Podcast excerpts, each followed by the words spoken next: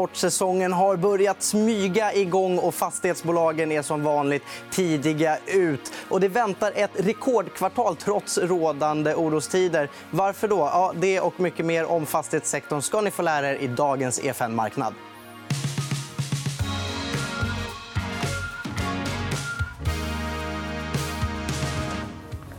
Peter Norhammar, varmt välkommen tillbaka till vår studio. Tack så mycket. Jättekul att vara här. Ja, ett tag sen sist. Eh, ja, eh, det kan ju låta lite paradoxalt att man väntar ett, ett rekordkvartal. här, men, men du kanske kan reda ut varför, varför det är så? Ja, det, är, det är förvånande. Men, men det är så att I fastighetssektorn så, så är det ju kvartalsvisa förskottsinbetalningar. Så att det här är rapporten för första kvartalet som vi snart kommer att få se från de flesta bolag då, då har ju de redan fått intäkterna i, ungefär den 1 januari. Och då, har det fortfarande världen, då var det, mådde ju världen fortfarande riktigt bra.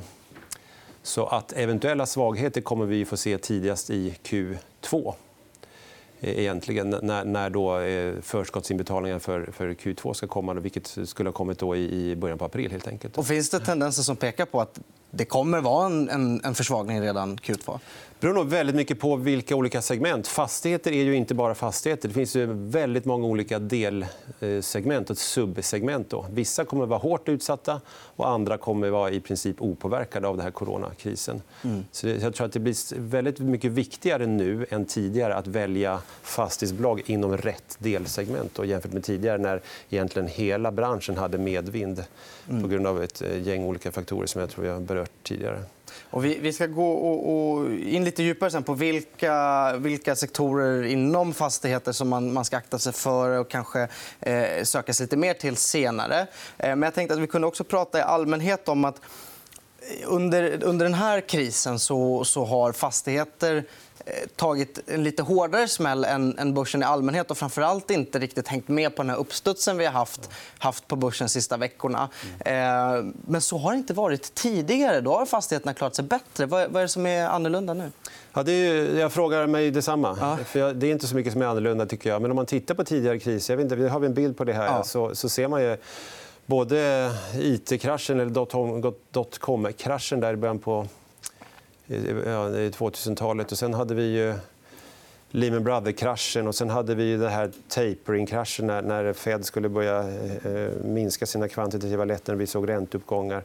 Så hade vi europeiska skuldkrisen och sen hade vi den här konjunkturella krisen, eller oron ska vi kalla det för, hösten 2018. Mm.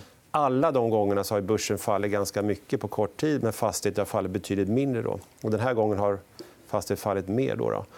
Eh, dels kan det bero på att eh, fastigheter kom in i den här eh, krisen på ganska höga nivåer. För fastigheter eh, gick ju oerhört bra under förra året. Då, då var fastighetsaktieindex upp nästan, eller drygt 60% Bra mycket bättre än börsen.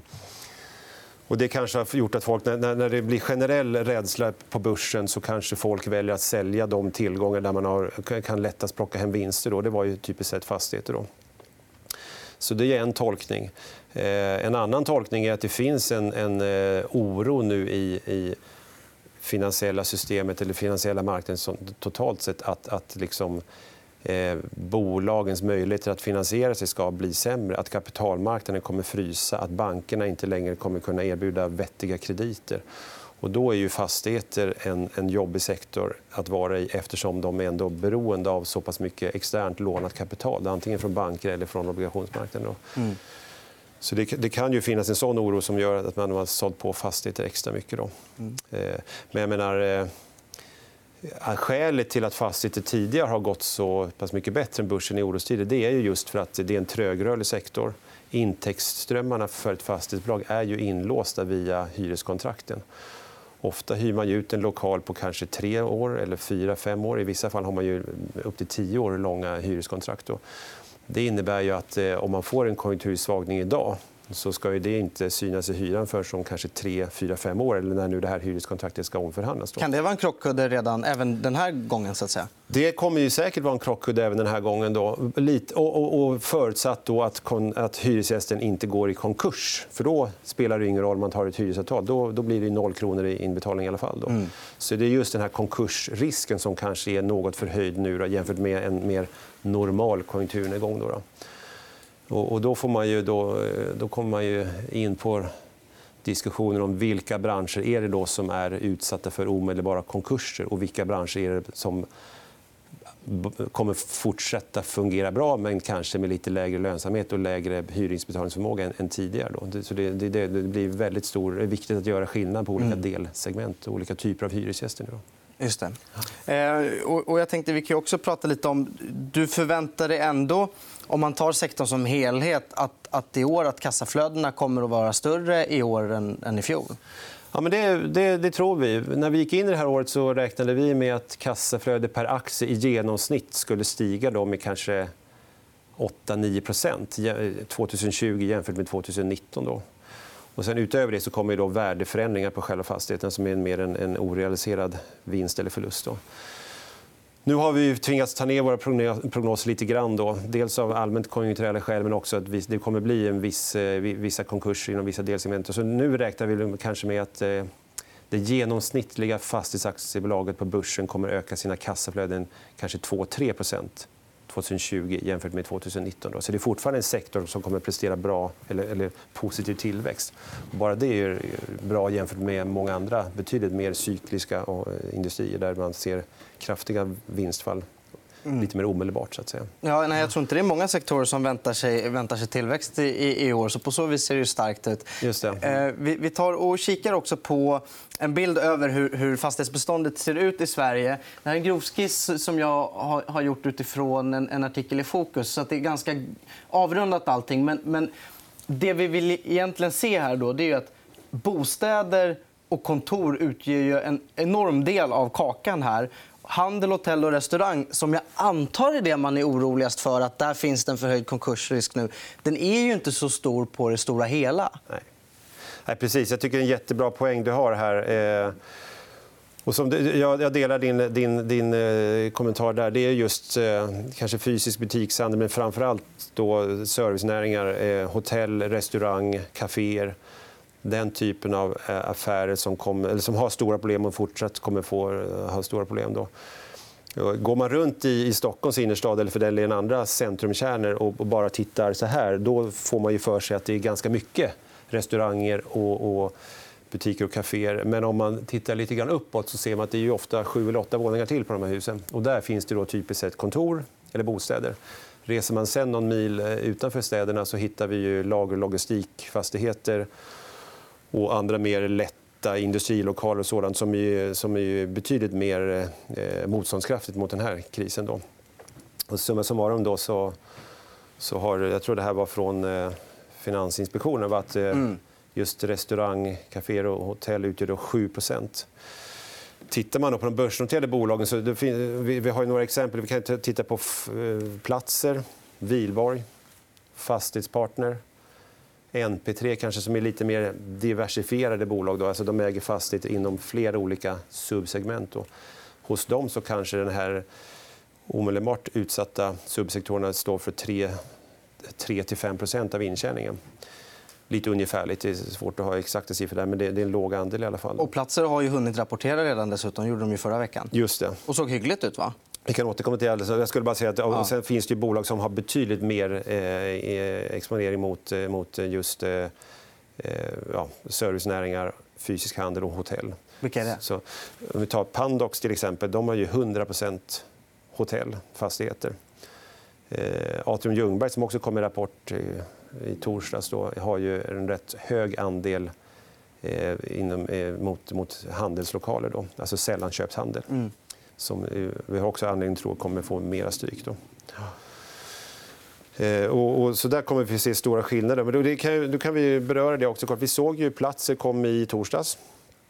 Väl diversifierat bolag, som sagt.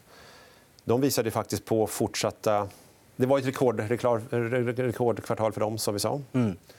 Det var nästan så att de bad lite om ursäkt för att det var det. Provocerande bra, kanske. Ja. Eh, men de visar också på stigande fastighetsvärden. Alltså fastighetsvärdena under Q1 2020 var högre än eh, motsvarande fastighetsvärden Q1 2019. Eh, och, och sen så indikerar de ju också att hyresinbetalningarna för Q2, alltså de hyresinbetalningar som kommer i början på april, då, mm i mångt och mycket liknar ett normalt kvartal. Det vill säga, de har inte sett särskilt mycket hyresförluster ännu. Sen vissa beteendeförändringar bland hyresgäster. Normalt sett så har vi så att det är, ju, det är ju kvartalsvisa förskottsinbetalningar. Nu kanske vissa hyresgäster får betala in månadsvisa mm. förskottsinbetalningar. Och några har bett om att få betala in månadsvis i efterskott. Och några har till och med begärt krediter. Men, men totalt sett så, så, ser även Q2 ut att bli bra, indikerar platser. Då.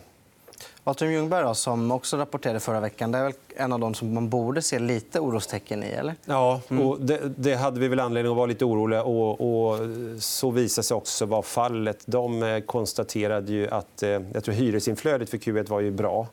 Men de konstaterade och skrev i sitt vd-ord att eh, eh, deras hyresgäster som är inriktade på just sällanköpshandel hade ju tappat upp till 70% av sin omsättning.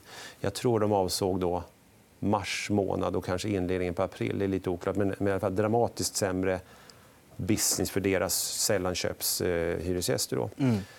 Och det är såklart att det kommer leda till att de här hyresgästerna har en lägre förmåga att betala hyror.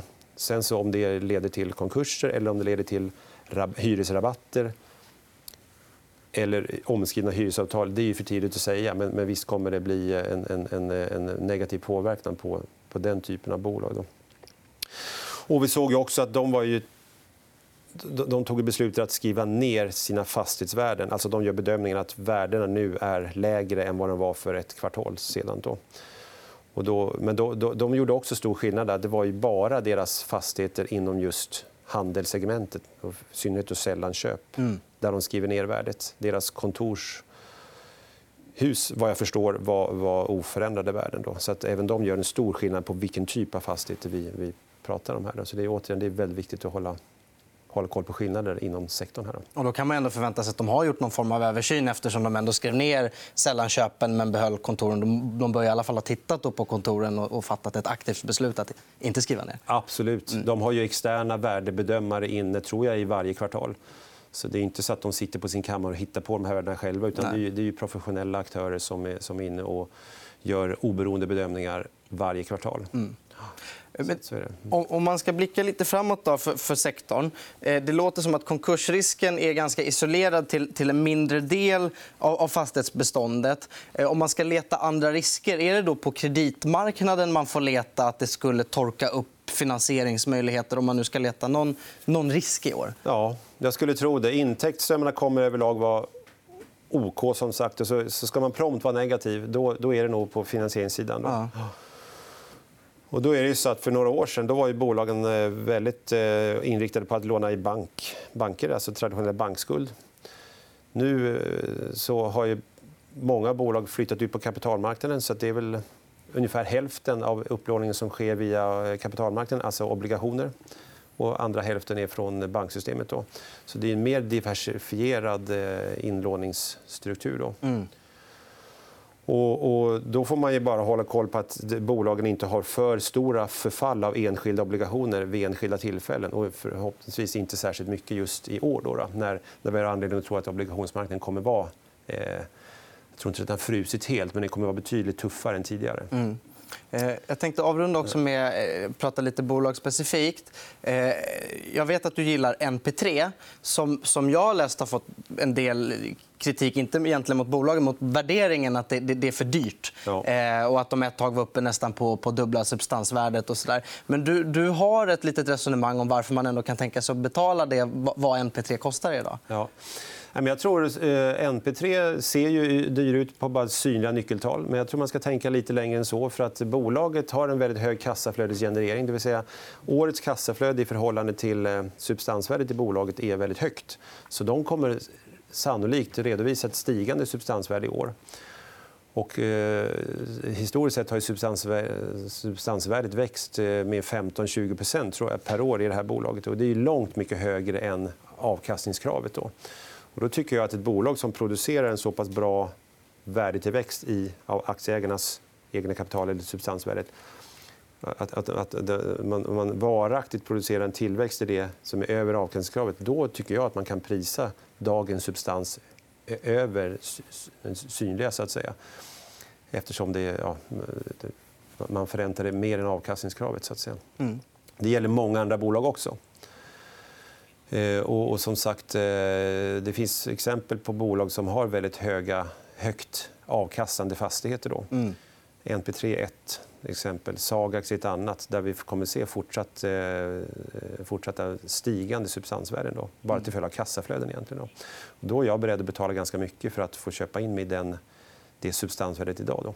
Värt att betala extra för de som kan leverera hög tillväxt. helt enkelt. Det tycker jag. Mm. Precis, ja. Ja, men bra. Tusen tack för att du kom hit idag, Peter Norhammar. Det var allting vi hade att bjuda på i dagens EFN Marknad. Men missa oss inte imorgon. Då blir det fullt fräs med olja med Dan Lindström.